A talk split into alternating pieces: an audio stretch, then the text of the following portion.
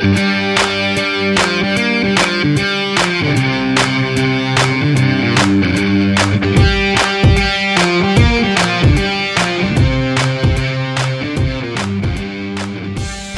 and welcome to Giving Back Podcast, the show where we share our bits of knowledge that we believe are useful to our community in many ways. I'm your host, Saroj Lamisane, and today I'll be talking with a famous personality of Nepal, Mr. Chiranjeevi Sapkota. Chiranjeevi welcome to Giving Back Podcast. Thank you so much Saroji कस्तो feel भइरहेको छ अब virtual दुनियाँमा छौँ हामी virtual दुनियाँमा podcasting पडकास्टिङको माहौल चलिरहेको बेलामा यो गिभिङ ब्याक पडकास्टमा यसरी यो माहौलमा तपाईँले आफूलाई उपस्थित गराइरहँदा कस्तो महसुस भइरहेछ होइन सर्वप्रथम त मलाई सरोजीसँग अलि लामो समयपछि गफगाफ हुन पाउँदाखेरि त्यसमा सबभन्दा बढी खुसी लागिरहेछ हजुर। र यो विषम परिस्थितिका बिच एउटा देशमा होइन सम्पूर्ण विश्वभरि एउटा खालको परिस्थिति जुन सिर्जना भइरहेछ यो बिचमा हामीले यो खालको गफगाफ यो खालको एउटा इन्ट्रेक्सन गर्न पाइरहँदा म एकदमै ह्याप्पी भइरहेको छु सरोजी हो। अब तपाईँको तपाईँलाई मैले प्रथम चोटि चाहिँ अनामनगरतिरै सायद अनामनगरमै हाम्रो प्रथम भेट भएको थियो किरणजीसँग है। एउटा हो एउटा खाजा पसलमा भेट भएको थियौँ। हो हो त्यहाँनिर भेट भएको थियो। म एकदमै अझै पनि सम्झिन्छु एकदमै नोस्ट्याल्जिक लाग्छ सम्झिरहँदाखेरि।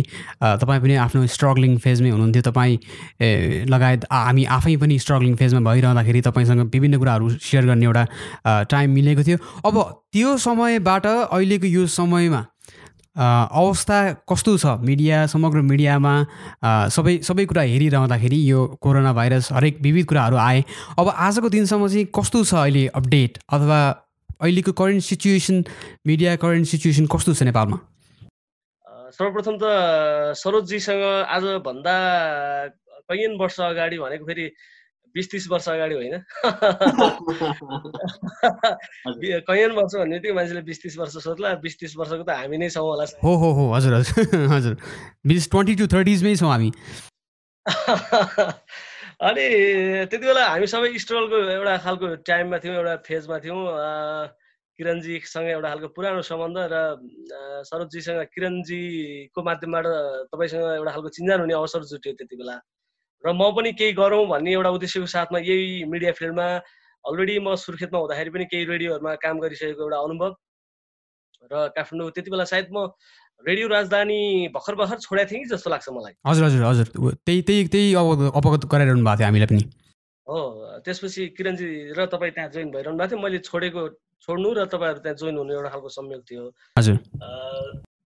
त्यो त्यो एउटा खालको त्यसले पनि एउटा खालको चाहिँ कनेक्ट गर्यो होला जस्तो लाग्छ मलाई। हरेक चिजहरूले कता कता कता न कताबाट हामी जोडिराख्नुपर्छ भन्ने खालको त्यो माहौल बन्यो सुरुदेखि नै। त्यो कारणले गर्दाखेरि किरणजीले गरेको एउटा सल्लाहमा मैले त्यति बेला एउटा मुभी खबर डट कम भन्ने एउटा वेबसाइट चलाएको चलाउने तयारी गर्दै थिएँ। मुभी खबर डट कम होइन सायद एक्टर नेपाल डट कम हो एक्टर नेपाल डट कम चाहिँ हो म अझै पनि सम्झिन्छु।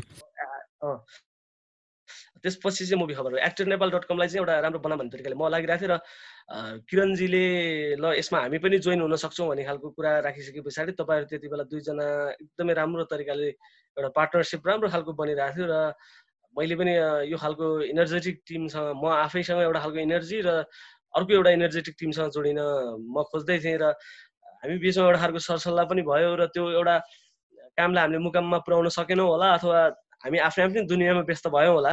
हजुर हजुर। र यो बिचमा मैले म सर्टकटमा जान चाहेँ। मैले मात्र यो भेटघाटलाई जोडेँ। र त्यो बिच पछाडि चाहिँ मैले रेडियो करियरलाई पनि कन्टिन्यू गर्ने प्रयास गर्दै थिएँ। त्यसले मात्रै पुग्थेन काठमाडौँको बसाइ र म त्यसपछि थाइल्यान्डको अनलाइनमा काम गर्न थालेँ त्यो बिचको टाइममा।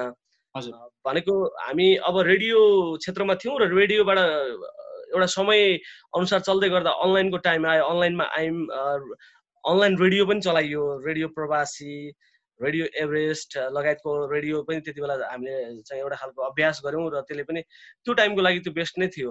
अहिले झट्ट सम्झिँदाखेरि त्यो बेस्ट नलाग्न सक्छ तर त्यो टाइमको लागि त्यो त्यो नै बेस्ट थियो। हजुर। अनि त्यसपछि मैले थाइल्यान्डको अनलाइनमा काम गर्न थालेँ र त्यसको केही समयपछि अम- अमेरिकाको हाम्रो रोबर्ट उब्रेतीजीको त्यति बेला के अनलाइन थियो? त्यो अनलाइनमा पनि मैले काम गरेँ केही समय पछाडि त्यो जिन्दगीलाई अगाडि बढाउँदै गर्दाखेरि जिन्दगीले जता जता लग्छ समयले जता जता बाँच्छ त्यतै त्यतै जाने टाइपको मान्छे नै हौँ हामी। हजुर हजुर हजुर। हामी त्यो मान्छेले यो एम भनेर त्यसलाई भिजन बनाएर जान्छ मान्छे डिप्रेस हुन्छ।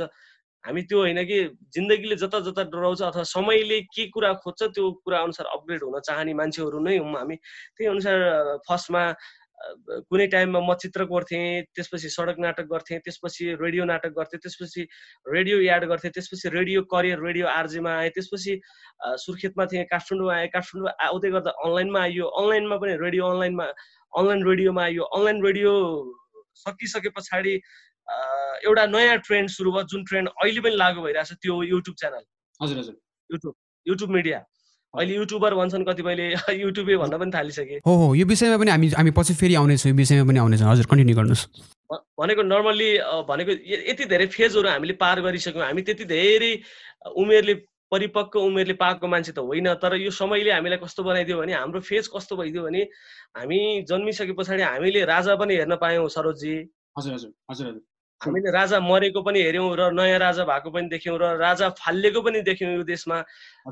यो देशमा कहिले नभएको राष्ट्रपति पनि हामीले देख्न पायौँ। यो देशमा कहिले यति धेरै सांसद नभएको कन्डिसन पनि हामीले देख्न पायौँ भनेको हामीले हाम्रो हाम्रो फेज भनेको खास भन्ने भने यो यो एउटा खालको स्वर्ण स्वर्ण समय हो यो। गोल्डन टाइम हो। एक्ज्याक्टली भोलि हामीले यो कुरा हामीले हाम्रो पिँढीलाई हाम्रो चाहिँ आउने पिँढीलाई सुनाउँदै गर्दाखेरि पनि बडो गर्वको दिन आउनेवाला छ जस्तो मलाई लाग्छ। किनकि होला। हाम्रो देशले त्यति धेरै प्रगति गर्न सकेन। मिडियामा विकृति विसङ्गति अनेक थरीका चिजहरू आए। तर फाइनल्ली के हो भने हामीले हाम्रो टाइममा हामीले यति यो मान्छेको जिन्दगी कति नै हुन्छ र पचास साठी हो त्यसमा पनि नेपालको मान्छेको चाहिँ एजको कुरा गर्ने हो भने साठी वर्ष समथिङ अन्ठाउन्न कति छ। हजुर हजुर। बढ्दै होला घट्दै होला। र हामीले सरोजी हामीले चाहिँ हामीले के हो भने हामीले यति धेरै टाइमहरू चाहिँ भोग्न पायौँ कि यो छोटो टाइममा।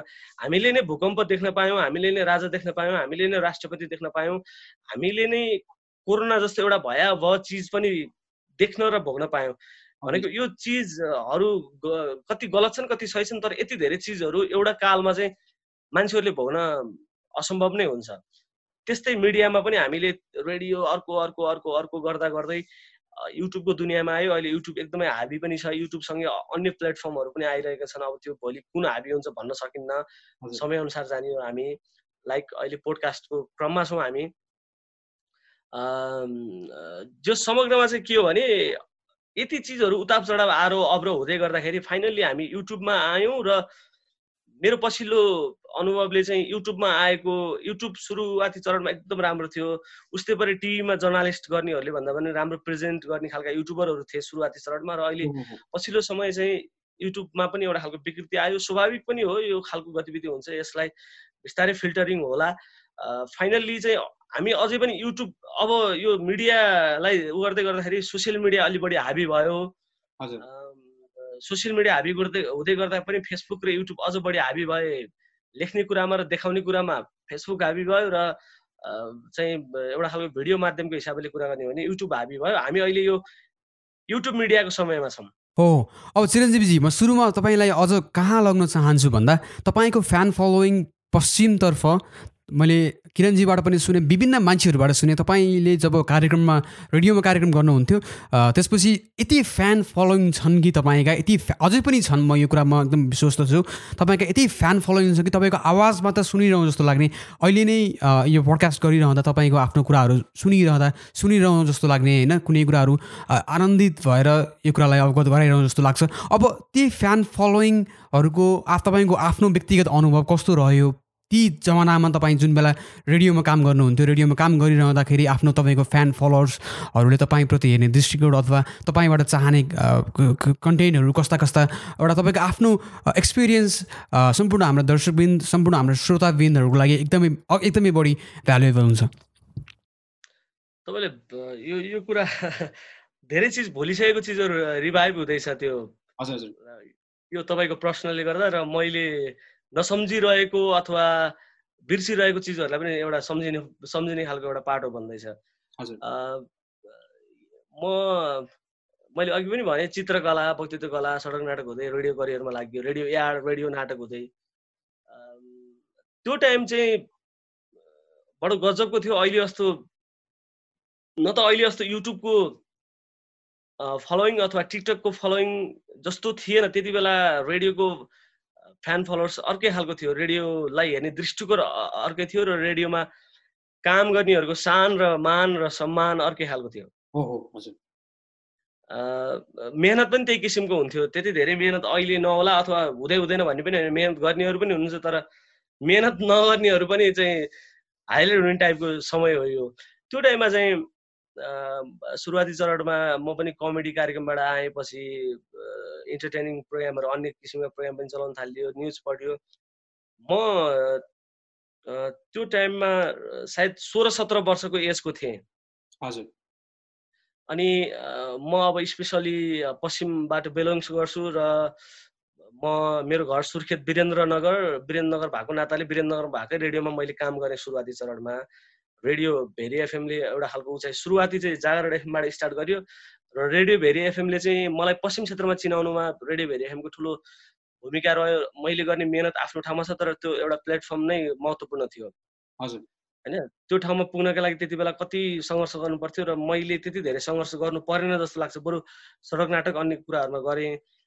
म रेडियोमा आइसकेपछि त्यो किसिमको सफलता पाउँछु होला भन्ने न मैले सोचेको थिएँ न म चाहिँ कुनै दिन आर्जे हुन्छु नै भन्ने सोचेको थिएँ। हजुर। समयले के के गरायो गरायो भनेर अघि पनि मैले सुरुमा भने जता जता लाग्छ हामी त्यति त्यति जाने मान्छे हो। त्यो हुँदै गर्दाखेरि म आर्जे हुन पुगेँ। आर्जे हुँदै गर्दाखेरि सुरुमा एउटा खालको प्रोग्राम चलायो त्योभन्दा धेरै चलाइएला भन्ने लागेको थिएन। पछि एउटा खालको भर्सटाइल किसिमले चाहिँ आर्जे गर्न सकिन्छ भन्ने भइसकेपछि त्यहाँ हुने म अहिले सम्झिन्छु गणेश कार्की दाईले प्रोग्रामको पार्टमा मलाई एकदमै हेल्प गर्नुभएको थियो। केशव ढकाल सर जो एकदमै लेजेन्ड हुनुहुन्छ मिडिया फिल्डको लागि अहिले पनि उहाँ न्युज चिपकै हिसाबले रेडियो भेरीमै हुनुहुन्छ। न्युजमा उहाँले छिराउनु भयो अनि मलाई चाहिँ त्यति बेला मैले गरेको कामहरू मैले हामी सबैले फेरि जसले पनि बेस्ट नै गर्नुपर्छ एउटा खालको राम्रो गर्नुपर्छ भन्ने त अवश्य हुन्छ। तर मैले जुन जुन पार्टमा जोइन भएँ ती कामहरू कहिले पनि अनसक्सेस भएनन् र दर्शक श्रोताहरूले त्यो किसिमको मलाई माया दिनुभयो। सायद म नाटक गर्दाखेरि नै सरस्वती माताको एउटा खालको आशीर्वाद मैले पाइरहेको थिएँ। त्यसले पनि मलाई रेडियो पार्टमा पनि मलाई प्लस गर्यो। म अभिनय बच्चैदेखि गर्ने भावनाले वक्तित्व कलाहरू डिबेटहरू म सानैदेखि चाहिँ जिल्ला स्तरका क्षेत्रीय स्तरका राष्ट्रिय स्तरका प्रतियोगिताहरूमा उपस्थित भावनाले मलाई रेडियोमा सपोर्ट गर्यो र फ्यान फलोइङहरू नसोचेको तरिकाले प्राप्त गरेँ त्यो टाइमको लागि जीवी चिरन म तपाईँकै उदास बिन्दासको साथी जीवी चिरन यानिक चिरञ्जीवी सापकोटा भन्ने यो लाइनलाई नै यति धेरै रुचाइदिनु भयो कि मैले चलाउने अन्य प्रोग्राम भन्दा नि त्यो लाइनलाई नै रुचाएर मान्छेहरू कति भए मेरो शुभचिन्तक बनिदिनु भयो मलाई माया गरिदिनु भयो। अनि त्यो टाइममा रेडियोमा काम गर्दै गर्दाखेरि एउटा खालको अहिले भनियो भने भगवान् टाइपको त्यो मान्छे चाहिँ एउटा एक खालले भगवान् हो भन्ने खालको सोच हुन्थ्यो त्यति बेला। सरोजी चिठीको समय इन्ड हुने हुने तर्खरमै एसएमएसको समय स्टार्ट हुने हुने टाइममा म जोइन हुँदै थिएँ रेडियोमा। हजुर। अब तपाईँको चिठीको अनुभव पनि भोग्न पाइयो। एसएमएसको अनुभव त अब अभियसली अहिलेसम्म पनि छँदैछ। एसएमएस च्याट त्यो भयो र त्यति बेला म एजले सानो मेरो भोइस एउटा खालको आउँथ्यो होला। हुन त त्यो भोइस र यो भोइस त्यति धेरै चेन्ज छैन। त्यति बेलै आउने भोइसलाई चाहिँ मान्छेहरूले अलि एजेड होला अलिकति चाहिँ उमेर खाएको होला भन्ने सोच्नु भेट्न आउनुहुन्थ्यो। त्यति बेला न त मोबाइल धेरैले चलाउँथ्यो न त सेल्फीको टाइम थियो। हजुर। न त फेसबुक त्यति धेरै हाबी नै भएको थियो। फेसबुक भर्खर भर्खर स्टार्ट भएको थियो। दुई हजार आठ पछि नै होला सायद फेसबुक स्टार्ट भएको। हजुर। सायद त्यति बेला हाम्रो त्यो पपुलर पपुलारिटीको हिसाबको कुरा गर्ने भने त्यो टाइममा सेल्फी भएको भइदियो यति धेरै सेल्फीहरू हुन्थ्यो होला। अभियसली म यो कुरा एकदम एकदम अग्री गर्छु। मैले भनिहालेँ तपाईँको जुन जुन किसिमको फ्यान फलोइङ त्यति बेलादेखि नै एउटा रेडियोमा कार्यक्रम गरिरहँदादेखि नै तपाईँले जुन किसिमको एउटा एक्साइटमेन्ट अडियन्समा तपाईँले पाउनु पाउनु भएको थियो तपाईँले त्यो गेन गर्नुभएको थियो। इट्स रियली भ्यालुएबल र यो कुरा आजको कार्यक्रममा रिमाइन्ड गर्नु पनि एकदम मेरो आफ्नो पनि कर्तव्य जस्तो मलाई फिल भइरहेको छ। र अब त्यो ठाउँबाट पश्चिमबाट काठमाडौँ आएपछिको यात्रा कतिको गाह्रो भयो? तपाईँ as a as a youngster तपाईँले त्यसलाई कसरी सामना गर्नुभयो? कसरी त्यो अब्स्ट्रागल्स स्ट्रगल्सहरूलाई कसरी ओभरकम गरेर चाहिँ तपाईँ आजसम्म पनि यो करियरमा एकदमै राम्रो छवि बनाएर बसिरहनु भएको छ? अब सबभन्दा चाहिँ कहिले पनि जिन्दगीमा होप नहार्नु भन्छ होइन? हजुर। के अरे चरेस खानु तर हरेस नखानु भन्छ तर यो दुइटै कुरा नखानु। तर मान्छेले के भने हरेस भनेको लाइक अहिले हामीले पछिल्लो घटनाक्रम सुशान्त सिंह जो हामीले भन्दा पनि जिन्दगी बुझेको मान्छे। हामीले त्यति धेरै जिन्दगी मान्छेले चाहिँ ए सुसाइड गरे होला भन्छ भने तर हामीले भन्दा कहाँ कहाँ जिन्दगी बुझेर चाहिँ त्यो लेभलमा पुगेको मान्छे। चाहिँ सुसाइड गर्यो अब त्यो घटनाले गर्दाखेरि पनि धेरैलाई डिस्टर्ब गरिरहेछ अहिलेसम्म पनि। मलाई पनि पर्सनली डिस्टर्ब गरिरहेछ त्यो कुराले। पवित्र रिस्तादेखि देख्दै आएको। मैले भन्न खोजेको यो उदाहरण दिनु खोजेको चाहिँ चरेस खानु तर हरेस नखानु भनेको चाहिँ स्पेसली त्यो हरेस चाहिँ यही पोइन्टको लागि भनेको होला सायद। हजुर। मान्छेहरू सुसाइड गर्ने पोइन्टमा नपुगुन्। चाहिँ बरु चरेस खाउनु अरू अरू खाउनु के के खान मन लाग्छ खाओस् तर मान्छे चाहिँ यो पोइन्टमा नपुगोस्। भनेकै यही यस्तैको लागि होला जस्तो यो यस्तो घटनाको लागि होला जस्तो लाग्छ। तर पछिल्लो कुरा अनुसार त अब चरेस पनि खानु भएन हरेस पनि खानु भएन दुइटै कुरा। अब मेरो कुरा चाहिँ म काठमाडौँ आउँदै गर्दाखेरि न त म त्यति धेरै सम्पन्न परिवारको मान्छे हो। न त मलाई मिडिया फिल्डमा अथवा एक्टिङ फिल्डमा त्यति धेरै फ्यामिलीको सपोर्ट नै हो। हामी जस्तो परिवारको बाट आएको मिडल फ्यामिलीबाट आएको मान्छेहरूलाई त्यति धेरै सपोर्ट हुँदैन। सरकारी जग्गा नै खाइदियोस् भन्ने हुन्छ। अनि फेरि म आफू चाहिँ पर्सनली बच्चैदेखि हामी अब फर्स्ट सेकेन्ड थर्ड स्कुल लेभलमा पनि हामी राम्रै पोजिसन ल्याएर त्यति धेरै पढाइमा कमजोर मान्छे पनि थिएनौँ। र अतिरिक्त क्रियाकलापमा त हाबी हुँदा हुँदै आज अतिरिक्त क्रियाकलाप हाबी भएर यो ठाउँमा आइयो। पढाइ हाबी भएको होइन अहिले लोकसेवा जितेर कतै कुनै ठाउँमा होइन होला। एकदमै ट्रु कुरा तर हामीमा चाहिँ अतिरिक्त क्रियाकलाप बढी हाबी हुनाले चाहिँ अहिले यो ठाउँमा आइयो। तर हाम्रो फ्यामिलीले हाम्रो ब्याकग्राउन्डले चाहिँ त्यो कुरालाई एक्सेप्ट गर्दैन सरोजी होइन? त्यहाँ पनि एउटा खालको लडाइँ लडेर आउनुपर्छ। लडाइँ लडेर त्यो काम गर्नुपर्छ। यहाँ आइसिएसीको लडाइँ फेरि अर्को छ फेरि। पहिलो कुरो त हामीले चाहिँ फ्यामिलीसँग फाइट लड्नुपर्छ त्यसपछि फेरि यो फिल्डमा आइसिएसीको अर्को फाइट फरक छ। दुई दुईवटा फाइट लडेर हामी यो यो ठाउँमा पुग्छौँ। अनि जस्तो म काठमाडौँ आउँदै गर्दाखेरि मलाई फ्यामिलीले न त पैसा दिएको थियो न केही थियो। मैले रेडियोबाट अलिअलि जम्मा पारेको पैसा लिएर आएको थिएँ।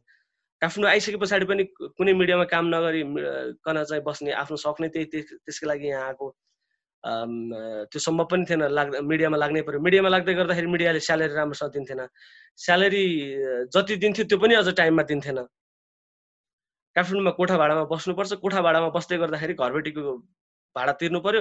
आफ्नो खर्च छ। त्यो रेडियोले त पुग्दै पुग्थेन यो अब यो कुरा धेरैले भन्ने कुरा हो यो कुरा म त्यति धेरै म मैले बोल्दाखेरि रिपिट हुनसक्छ र यो कुरा बारम्बार आइरहेको जस्तो हुनसक्छ। होइन यो कुरा एकदमै तपाईँबाट सुन्दाखेरि I think it's can be very very legitimate होइन? यो कुरा चाहिँ तपाईँबाट सुन्दाखेरि अझ बढी भ्यालि भ्यालिड हुन्छ किनकि तपाईँ आफूले जिरोबाट स्ट्रगल गरेर पश्चिमदेखि काठमाडौँसम्म आएर तपाईँको त्यो बेलाको समय र आजको समय एकदमै अलग छ। तपाईँ आफू नै आफूले गरेको स्ट्रगलबाट एउटा एचिभमेन्ट तपाईँले पाइरहनु भएको छ। सो आई थिङ्क मलाई एकदम इन्ट्रेस्टिङ लागिरहेको छ। आई आई आई होप मेरा सम्पूर्ण अडियन्सले सम्पूर्ण दर्शकवृन्दहरूलाई आजको यो विषयमा सुनिरहँदाखेरि चाहिँ एकदमै इन्फर्मेसन वाइज एकदमै भ्यालुएबल हुन्छ भन्ने म आशा राख्छु।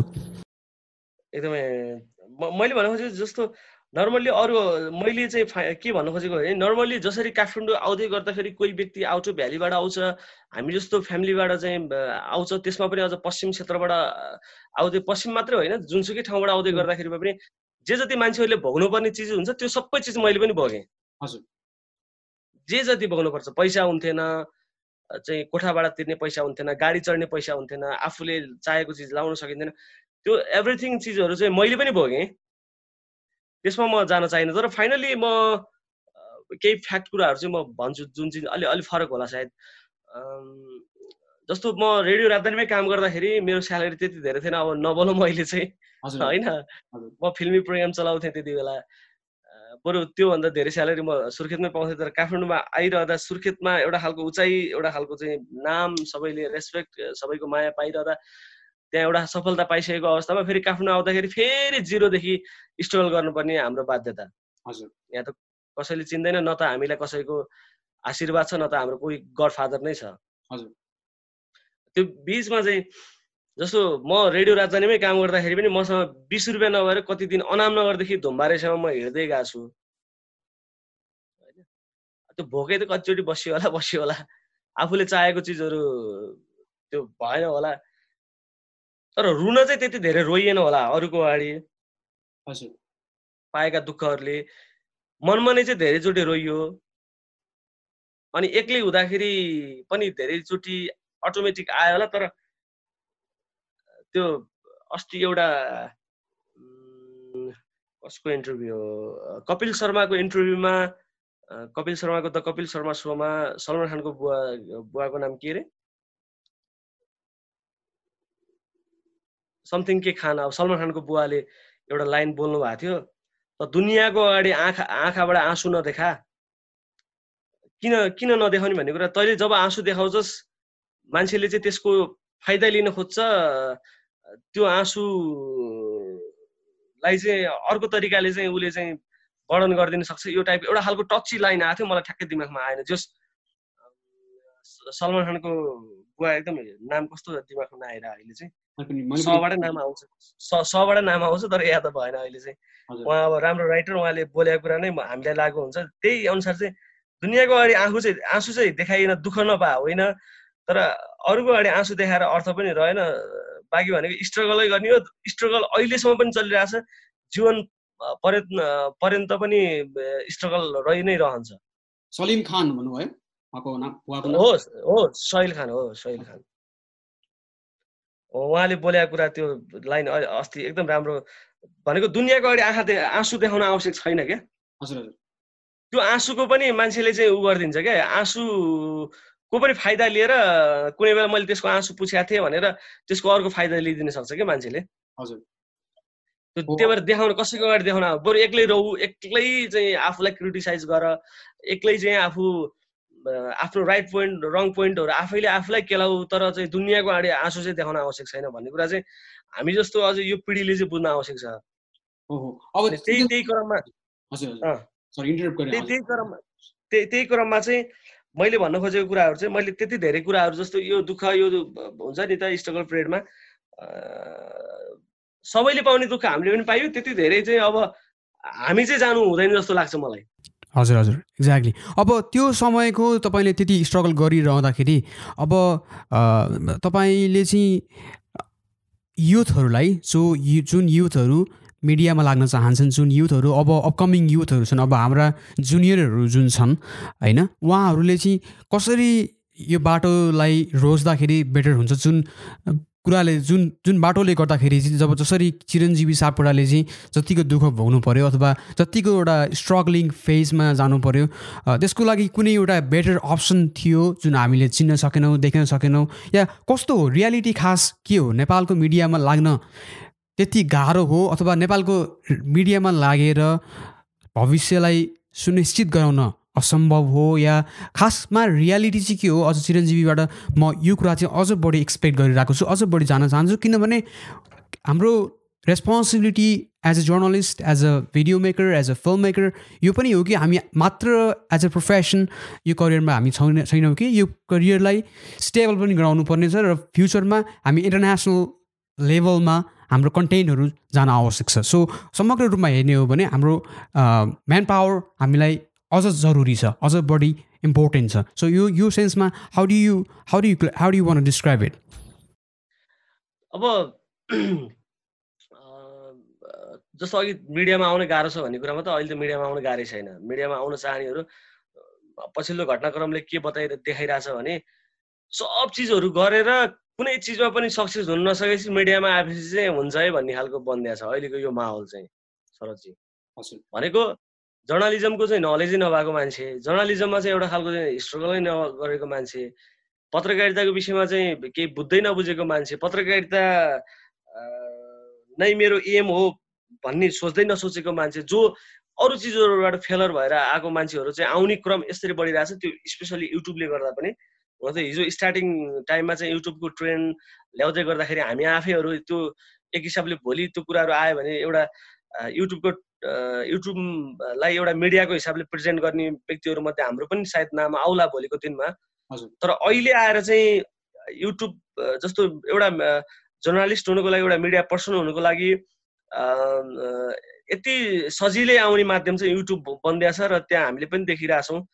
कतिले राम्रो पनि गरिरहनु भएको छ तर राम्रो भन्दा बढी नराम्रो भइरहेछ। जुन कारणहरूले गर्दाखेरि युट्युबे जस्ता शब्दहरू पनि अब अहिले सुन्नु परेको छ। जो कारणले गर्दाखेरि म फेरि रिटर्न ब्याक युट्युबमा आउन सकिरहेको छैन। मैले फेरि आएर चाहिँ युट्युबमा इन्टरभ्यू लिन सकिरहेको छैन क्या मैले। हिजो जब कि युट्युबको लागि कति दुःख गरेको युट्युबबाट एउटा मिडियालाई इस्टाब्लिस गर्न सकिन्छ भनेर लागेको मान्छेहरू म त्यसमध्ये म पनि थिएँ। म जस्तै अरू पनि धेरै पीडितहरू हुनुहुन्छ जसले गरे हो उहाँहरू पनि दिगदार हुनुहुन्छ यो चिजबाट। दिगदार भएर आउन सकिरहनु भएको छ। त्यस्तै म पनि। अब फाइनली चाहिँ हाम्रो जेनेरेसनले गर्दाखेरि के भएको छ भने अहिले चाहिँ अब आफ्नो छोराछोरीलाई चाहिँ मिडिया फिल्डमा जाँदै नजाओस् भन्ने बनिएको छ। माहौल चाहिँ। हजुर। जस्तो इन्डियामा चाहिँ छोरा र छोरी एउटा लेभलमा पुग्नुपर्छ भनेको कि चाहिँ मेरो छोराछोरी? एक्टर अथवा एक्ट्रेस होइदियोस् कि चाहिँ मेरो छोराछोरी? बिजनेसम्यान होइदियोस् कि चाहिँ मेरो छोराछोरी? क्रिकेटर होइदियोस् हजुर हजुर। भन्ने खालको बनाएको छ। बिजनेस त एउटा खालको हो। अझ नेपालमा त झन् लोकसेवा जागिरै खानुपर्छ भन्ने मात्रै छ हेर्नु। होइन सरकारी जागिरै खानुपर्छ त्यसलाई चाहिँ सफलता मान्ने गरिरहेको छ। तर बिजनेस पनि एउटा सफलता हो। तर इन्डियामा बिजनेस बाहेक पनि क्रिकेट भनेको त अर्कै चिज हो नि त। त्यहाँ त एउटा स्पोर्ट्सको छुट्टै बिजनेस छ छुट्टै दुनियाँ छ छुट्टै करियर नै छ। हो। अब त्यसलाई मान्छेले चाहिँ छोरा छोरीप्रति चाहिँ छोराछोरीको भविष्य चाहिँ क्रिकेटमा देख्न थालिसकेका छन् त्यहाँ। जो नेपालमा त अब स्पोर्ट्समा त छोराछोरी जाने झन् उनी भएन। अनि मिडियामा पनि त्यहाँ एउटा खालको मिडियामा आउनेहरूलाई पनि रेस्पेक्ट गर्ने कुरा छ। अनि कलाकारिता क्षेत्रमा आउनेहरूलाई पनि छोरो कलाकार फिल्मको हिरो हिरोइन अथवा सिरियलको चाहिँ लिड आर्टिस्ट हुनुलाई चाहिँ गर्वका साथ लिन थालिएको छ। नेपालमा न त कलाकारिता क्षेत्रको त्यो खालको चाहिँ उचाइ बन्न सकेका छ न त क्रिकेटको स्पोर्ट्सको नै चाहिँ उचाइ बन्न सकेका छ न त पत्रकारिताको नै उचाइ बन्न सकेका छ। झन् पछिल्ला घटनाक्रमले अझ हाम्रो हाम्रो कारणले गर्दाखेरि हामीले भोगेको कारणले गर्दाखेरि हामीले स्यालेरी पाउँदैनौँ अथवा हामीभन्दा अगाडिकाले पनि राम्रोसँग स्यालेरी पाउँदैनन्। राम्रोसँग आफ्नो जीवन यापन चाहिँ यापन गर्न पाउँदैनन् बिताउन पाउँदैनन् लाइफ स्टाइल त्यो किसिमले जिउन पाउँदैनन्। त्यो कारणले गर्दाखेरि फ्यामिलीले चाहिँ मेरो छोरा चाहिँ मिडिया पर्सन नभइदियोस् खेलाडी नभइदियोस् कलाकार नभइस नभइदियोस् साहित्यकार नभइदियोस् सरकारी जागिरी होइदियोस् भन्ने झन् यो मानसिकता उत्पाद तरिकाले बढिरहेछ सरोज हो हो यो यो त म त म त के भन्छु भने यो नेगेटिभिटी नै बढी हाबी भइरहेको जस्तो मैले महसुस गरेँ। मलाई एकदमै दुःख पनि लागिरहेको छ किनभने जुन हिसाबले मैले एउटा मिडियाको अपडेट तपाईँबाट लिइरहेको छु म अहिले यति बेला अमेरिकामा छु तर नेपालमा के भइरहेको छ समग्र मिडिया कसरी अगाडि बढिरहेको छ भन्ने नलेज यहाँलाई एकदमै बढी बढी नै छ। र मैले भन्न खोजेको कुरा यो पनि हो कि लाइक युट्युब यसरी आयो कि युट्युब एउटा मल्टिमिडिया को एउटा मल्टिमिडिया स्ट्रिम गर्ने एउटा सोर्स हो.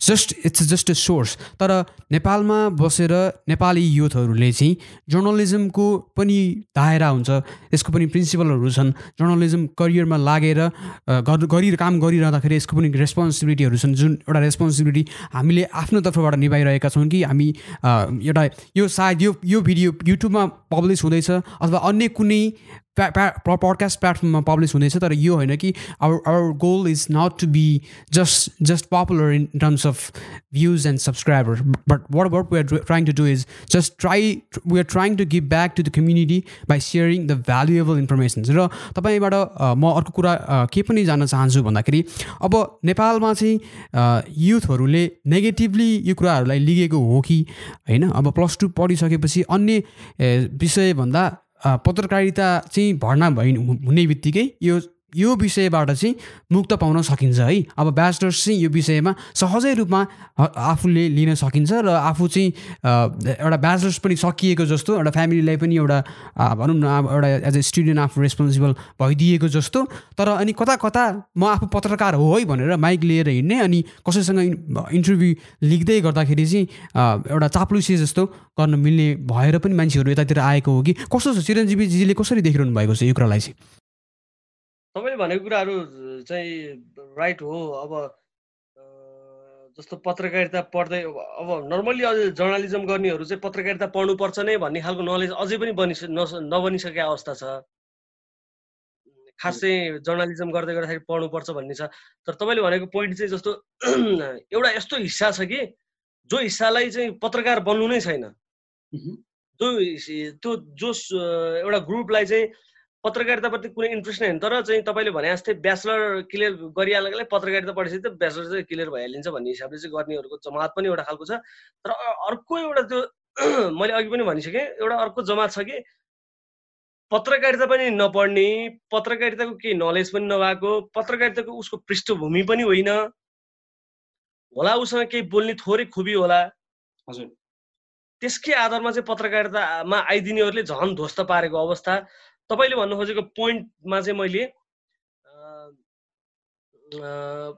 पत्रकारिता पढे पढ्नका लागि पढ्ने मात्रै भइदिएछ तपाईँले भने जस्तै। त्यो एउटा एउटा के भन्छ त्यो झार टार्ने टाइपको एउटा सब्जेक्ट मात्रै बन्न पुगेको छ। यसमा एउटा खालको सिरियसनेस चाहिँ बन्न नसकेको अवस्था नै हो। अब यो भित्र पनि एउटा खालको चाहिँ गलत प्रवृत्ति गलत खालको चाहिँ विकृतिले गर्दाखेरि पनि त्यो किसिमको चाहिँ वितृष्णा यो क्षेत्रमा आउनेहरूप्रति भा भएर चाहिँ यसलाई एउटा सब्जेक्ट मात्रै लिने र क्षेत्र चाहिँ अर्कै रोज्ने पनि भाव हुनसक्छ हेर्नु। हजुर अब त्यो चिजलाई पनि अब सुधार्नका लागि सरकार अथवा त्यो यो क्षेत्रमा चाहिँ लामो समय बिताएका हाम्रा चाहिँ अग्रज व्यक्तिहरूले गर्ने गर्नुपर्ने कर्तव्य नपुगेर पनि हुनसक्छ। तर नर्मल्ली चाहिँ के हो भने तपाईँले अघि भन्न खोजेको कुरामा चाहिँ पत्रकारिता पढ्ने तर त्यो उही फ्यामिलीको लागि देखाउनको लागि चाहिँ मात्रै पनि भइदिरहेको अवस्था छ।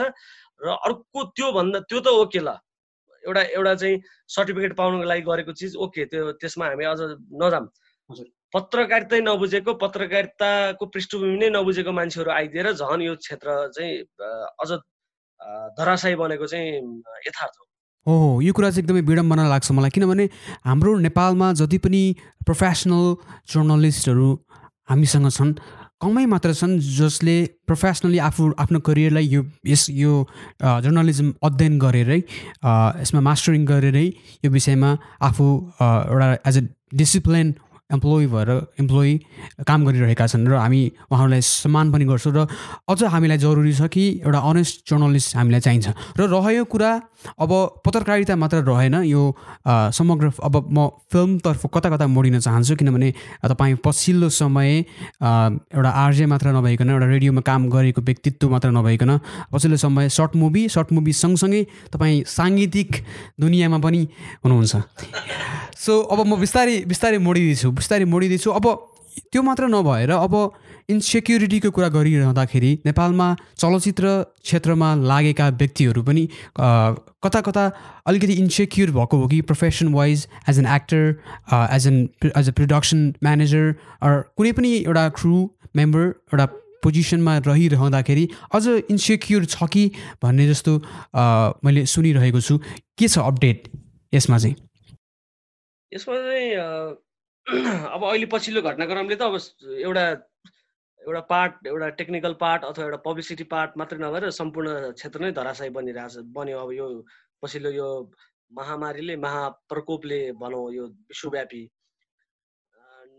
यो जस्तो अब अहिले अब यो कुरा गर्न कतिको जाय सबै चाहिँ अहिले धराशयी भइरहेको बेला अब यो हामी एउटा पार्टमा डिस्कस गर्न कतिको हो भन्ने कुरा चाहिँ फरक पार्ट रह्यो। तर सर्टकटमा चाहिँ त्यो कुरालाई भन्दै गर्दाखेरिमा चाहिँ अब नेपालको चलचित्र क्षेत्र तपाईँ अमेरिका जाने बेला जस्तो थियो अहिले पनि त्यस्तै छ?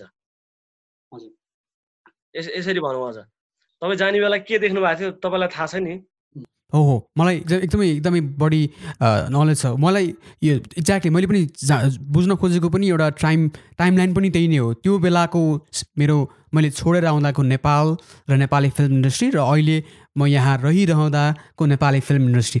Not besides this corona virus corona virus त छँदै नै छ।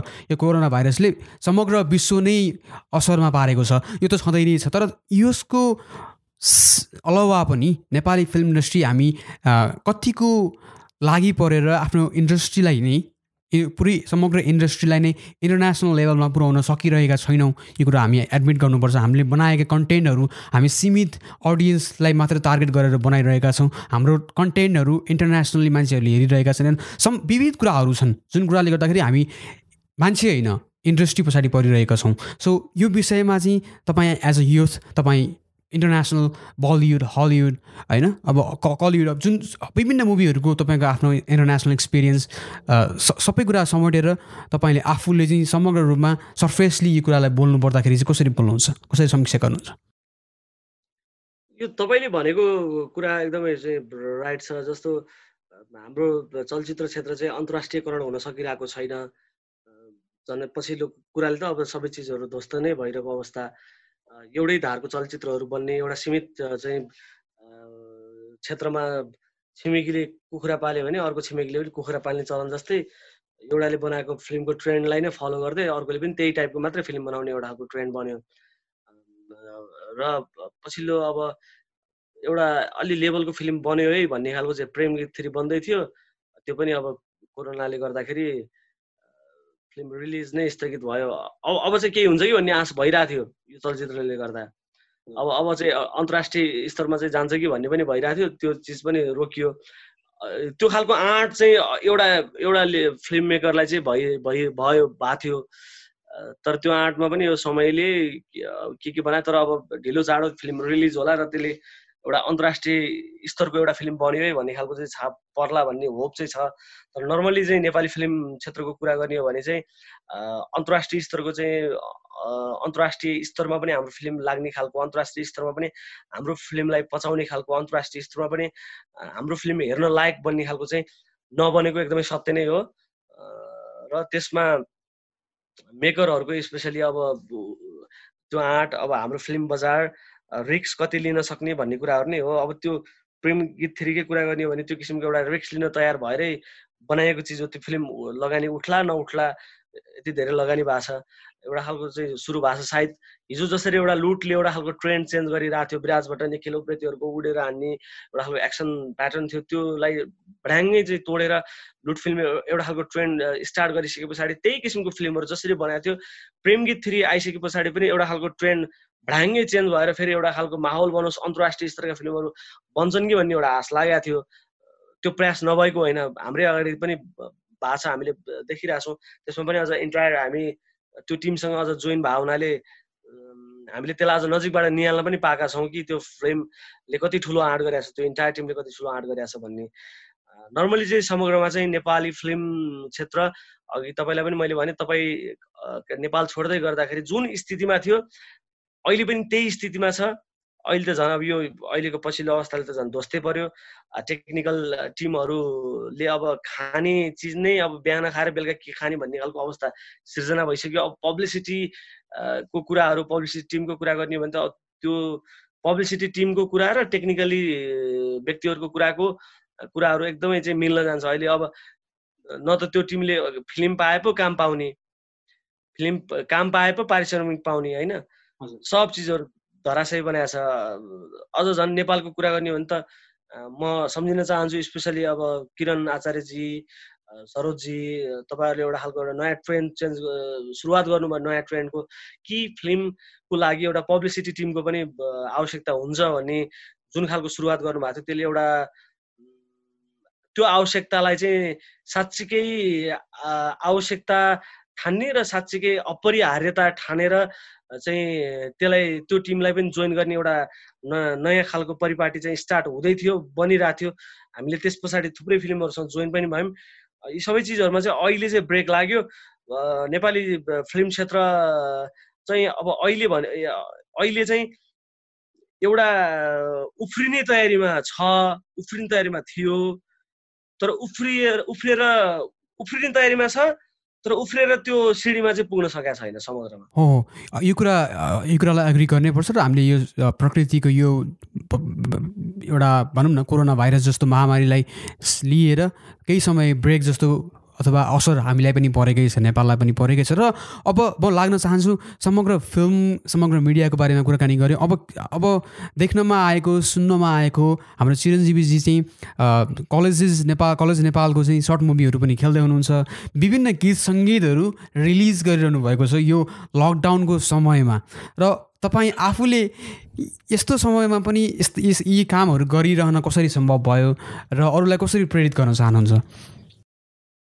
अब सबभन्दा त सुरुमा चाहिँ एकदम रिक्स लिएर सुरु नै गरे। अब कलेज नेपालमा म पहिला गेस्ट रोलमा धेरै एपिसोडहरूमा खेलेको थिएँ तर मान्छेहरूले त्यति धेरै याद गर्नु भएको थिएन। तर यसपटक चाहिँ म अलिकति रेगुलर रूपमा चाहिँ एउटा क्यारेक्टरमा देखिरहँदा चाहिँ मान्छेले अलिक बढी वाच गर्नुभयो र यो मान्छेले अभिनय पत्रकारिता त छँदै थियो। अभिनय पनि गर्दो रहेछ भन्ने चाहिँ स्पेसली पत्रकारिता मात्रै बुझिरहेको साथीहरूको लागि शुभचिन्तकको लागि चाहिँ त्यो चिजले चाहिँ चिन्ने मौका ए लकडाउन भएको।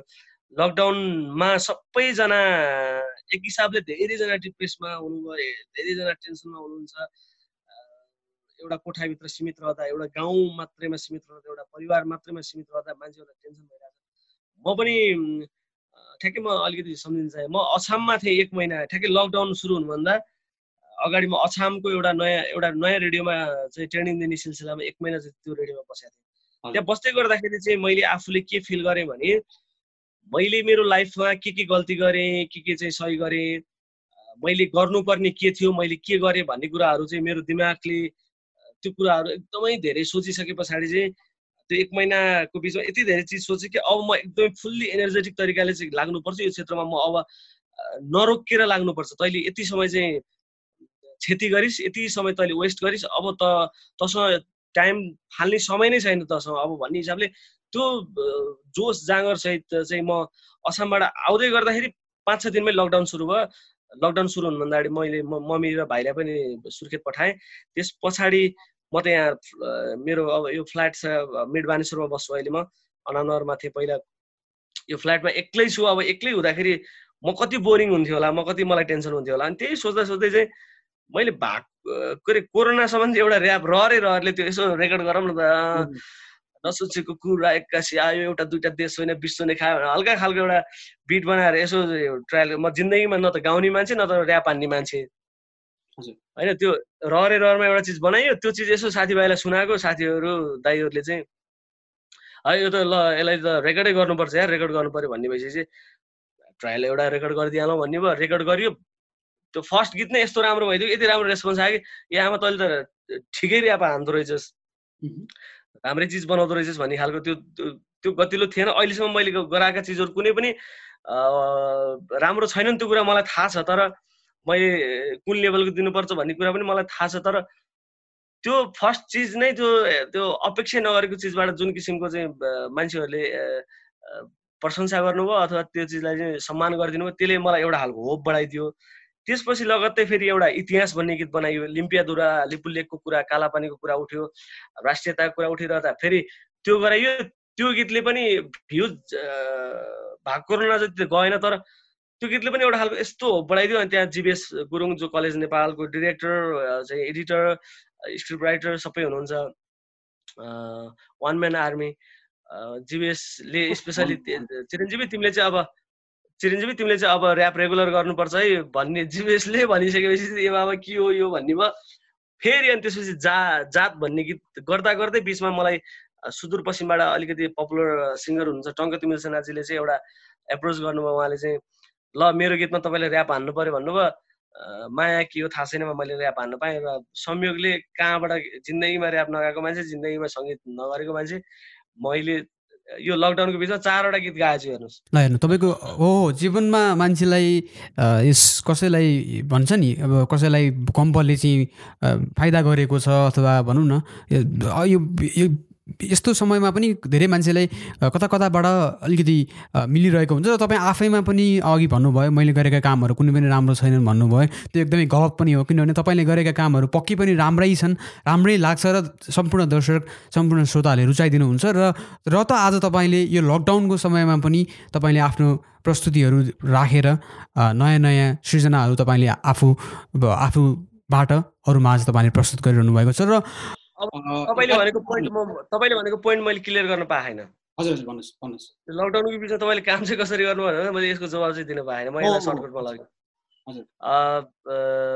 र म यहाँ बसिरहेको थिएँ। म त्यो हुनुभन्दा बरु कम्तीमा हामी क्रिएसन गरिराख्यौँ भने कम्तीमा दिमाग अलिकति फ्रेस हुन्छ दिमाग त्यति धेरै। म म एउटा कुरा के भन्न चाहन्छु भने अब यो यो कुरा म फेरि दोस्रोचोटि बोल्दैछु। जस्तो सुशान्तको चाहिँ सुसाइडको इस्युमा।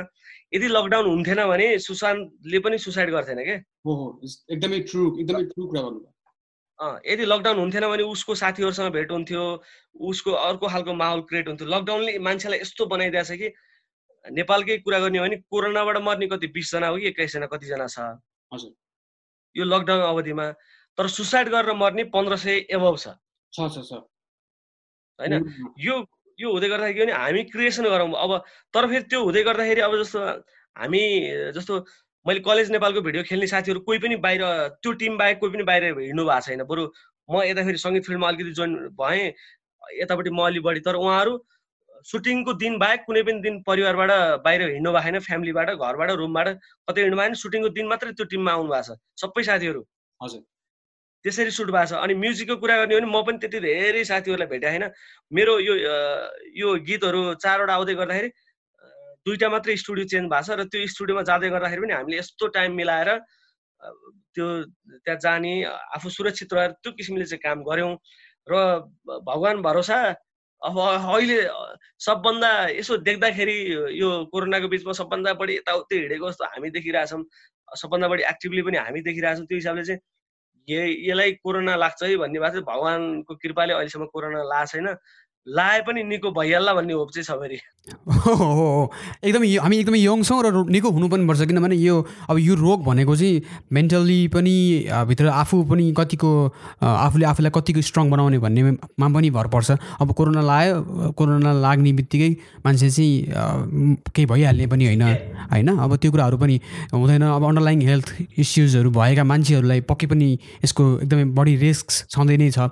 त्यो कुराहरू र छँदै नै छ र यही कार्यक्रमबाट जिबिएसीलाई पनि सम्झिन चाहेँ। जिबिएसी केही प्लेटफर्ममा रहेर कलेजेस नेपालमा पनि तपाईँले आफ्नो आफ्नो क्रिएटिभिटीहरू युज गरेर धेरै नै अगाडि बढिरहनु भएको छ। यसको लागि यहाँलाई शुभकामना छँदैछ र अन्य गीत सङ्गीतको कुराकानी गरिरहँदै गरिराखेको थिएँ मैले। र यो नयाँ आएको गीत जात भन्ने गीतको चाहिँ थोरै अंश सुन्न चाहेँ मैले। हजुर हेर्नु टाइम लिनुहोस् टाइम लिनुहोस् यसको बारेमा हामी कुरा गर्दै जा कुरा गर्दै गएर पनि हेर्नु मिल्छ होला सायद लिरिक्स अथवा अथवा थोरै अगाडिको कुनै एउटा थोरै अंश थाहा याद छ भने तपाईँले त्यो गाउन पनि सक्नुहुन्छ। अँ हजुरलाई देखि देखिरहेको छ तर कुनै एउटा पोइन्टमा गएर पज भएको छ। ठिकै छ केही केही केही प्रब्लम भएन। लिरिक्स हेरेर पनि गाउन सक्नुहुन्छ। हामी अडियो मात्रै भए पनि गीत यो गीत सुन्नको लागि एकदमै आतुर छौँ। अब यो त्यो त्यो फिल चाहिँ नहोला अलिकति इनर्जेटिक टाइपको फिल थियो हजुर हजुर। म हल्का बोले यो गल्ती भयो माफ चाहन्छु है सुरुमै। एकदम एकदम। जात जात जात जात जात खोज्छौ किन? भेदभावको सोच छोडी सँगसँगै हिँड। उस्तै चोला उस्तै शरीर।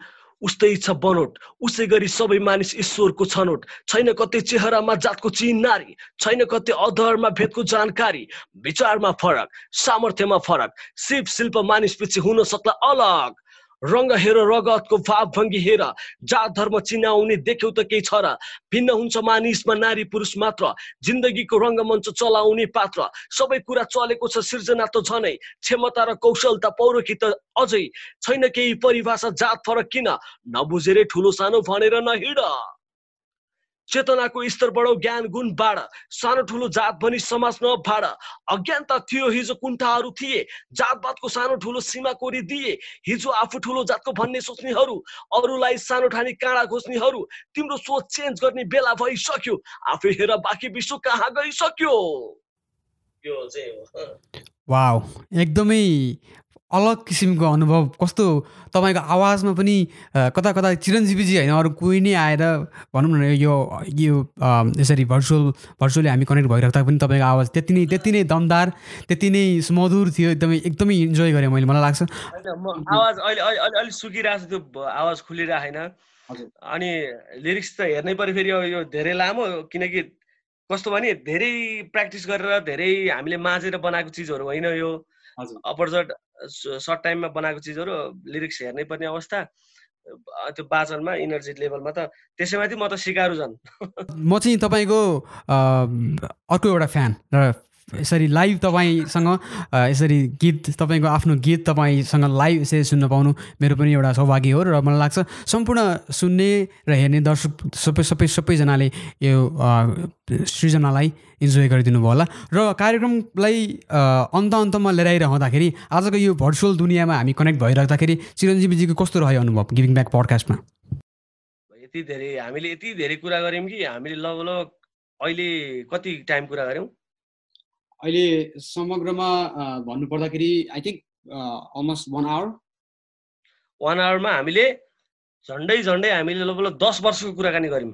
हो हो वान आवरमा हामीले दस वर्षको कुराहरू चाहिँ सम्झिने प्रयास गऱ्यौँ सम्झ्यौँ र विगतदेखि वर्तमानदेखि उस्तै परि अझ भविष्यको कुराहरू पनि गरिदियौँ हामीले। हो एक्ज्याक्टली भनेको यो यस्तो बिरलै हुन्छ नि यो खालको गफ गफहरू मलाई एकदम खुसी लाग्यो सरोजी तपाईँले यो खालको एउटा चाहिँ यो अवसर जुटाउनु भयो एउटा खालको यो जुन योजना बनाएर म आउनु पाएँ हुन त दुई तिन दिन अगाडिदेखि चाहिँ हामी आउने आउने के के भएको थियो के के मिलिरहेको थिएन। हो म पनि अलिकति मेरो स्वास्थ्यले पनि त्यही अनुसारले साथ दिइरहेको थिएन र मलाई लाग्छ एउटा अपर्च्युनिटी नै मिलेको छ कि यो भाइरस आयो लकडाउन आयो। लकडाउनको समयमा हामी भर्चुअली पनि कनेक्ट हुने एउटा वातावरण मिल्यो। त्यसको लागि तपाईँ र म कनेक्ट हुनलाई चाहिँ हामी कुनै समय स्टुडियोसम्म जानु पर्थ्यो अथवा स्टुडियोभित्रै गएर एउटा इन्भाइरोमेन्ट क्रिएट गर्नु पर्थ्यो भने आज हामी तपाईँ संसारको कुन कुनामा हुनुहुन्छ म संसारको कुन कुनामा छु हामी टाढै रहेर पनि कनेक्ट छौँ। हो हो मलाई पनि एकदमै एकदमै नजिक भएर होइन नजिक भएर सँगै बसेर कुराकानी गरिरहेको जस्तो। इनफ्याक्ट कार्यक्रममा छु म आफू एउटा प्रस्तुता भएर बसिरहेको छु। कता कता होइन यो माइक चाहिँ छोडेर तपाईँसँगै अन्तर्क्रिया भनौँ न अझ अझ बढी गहिराइमा गएर तपाईँसँग अझ बढी अन्तर्क्रिया गरौँ जस्तो महसुस भइरहेको छ मलाई पनि। एकदम खुसी लाग्यो सरोजी। समग्रमा तपाईँले पनि आफ्नो स्पेसली आज तपाईँले जिन्दगीलाई जुन तरिकाले अगाडि बढाइरहनु भएको छ तपाईँलाई हेरेर पनि मलाई एकदमै खुसी लाग्छ। तपाईँको विषयमा साथीहरू बिचमा गफगाफ पनि भइरहेको हुन्छ। अहिले तपाईँ फिल्म मेकिङ पनि पढिरहनु भएको छ त्यहाँ गएर र फिल्मकै विषयमा पनि अहिले गफगाफ गर्नुभयो। भोलिको दिनमा फ्युचरमा गएर तपाईँले आफ्नो एउटा लाइफलाई सेटल गर्दै यो क्षेत्रलाई एउटा खालको नयाँ ट्रेन्डमा तपाईँले अहिले जुन विषयमा हामीले कमी कमजोरीको विषयमा गफहरू गरिरहेछौँ ती कमी कमजोरीहरूलाई सुधार्दै एउटा लेभलमा पुर्याउने व्यक्तिको हिसाबले चाहिँ तपाईँ भोलि यो क्षेत्रमा देख्न पाऊँ मैले मेरो अपेक्षा यही छ। थ्याङ्क यू सो मच चिरञ्जीवीजी यही नै हो हाम्रो पनि प्रयास सङ्घर्ष र बाटो यही नै छ। भविष्यमा पक्कै पनि समय र भाग्यले साथ दिए। राम्रो काम गर्ने नै छौँ। अझ पनि त्यो एउटा अठोट त्यो एउटा कन्फिडेन्स कायम नै छ। कार्यक्रममा आइदिनु भयो साह्रै खुसी लाग्यो र एकदमै धेरै धेरै धन्यवाद भन्न चाहन्छु। धेरै धेरै thank you so much sir Saroji चाहिँ चाहिँ मलाई चाहिँ के लाग्छ भने हामी यही क्षेत्रमा काम गरिरहेछौँ तपाईँ पनि कहीँ न कतै कुनै न कुनै पार्टबाट यही क्षेत्रमै हुनुहुन्छ। हो हो एक्ज्याक्टली मैले प्रयास गरिरहेको छु हजुर। हामीले यो क्षेत्रमा यसरी काम गरिरहेछौँ भोलि तपाईँ रिटर्न ब्याक नेपाल आएर अथवा तपाईँकै क्षेत्रबाट यही क्षेत्रको लागि सँगै अझ काम गर्न पाइयो भने हामी एउटा मुकाममा पुग्न सक्छौँ भन्ने मलाई होप छ। हो गर्नुपर्छ किनकि हामी अन्य कुनै मुलुकका अथवा अन्य कुनै मुलुकका इन्डस्ट्रीका मान्छेभन्दा हामी केही पनि कम छैनौँ। अर्थर गर्न लिन सक्छौँ। As a as an individual singer भएर अमेरिकन आइडलमा जुन हिसाबको एउटा आफ्नो क्रेडेन्सियल उहाँले देखाउनु भएको छ एउटा आइडेन्टिटी नेपालबाट आएको ठिटो होइन? जुन स्थानमा उहाँ हुनुहुन्छ अहिले। त्यो कुराबाट हामीले धेरै कुरा सिक्न सक्छौँ कि प्रोफेसनली करियर वाइज हामी अन्य मुलुकका मान्छेभन्दा हामी कुनै पनि हिसाबले कम छैनौँ। मात्र हामीले आफ्नो ज्ञानलाई लिनुपर्छ र आफ्नो ज्ञानलाई लिएर इमान्दार भएर आफ्नो पेसामा लाग्नुपर्छ। यदि यति भन्दै आजको यो गिभिङ ब्याक पडकास्टबाट म र चिरञ्जीवीजीलाई बिदा हुन चाहन्छौँ। यतिन्जेलसम्म सुनेर हेरेर साथ दिनु हुनुभएका सम्पूर्ण सम्पूर्ण दर्शकबिनलाई धेरै धेरै धन्यवाद भन्दै अर्को एपिसोडमा फेरि पनि भेट हुने नै छ। थ्याङ्क यू सो मच धन्यवाद। Thank you.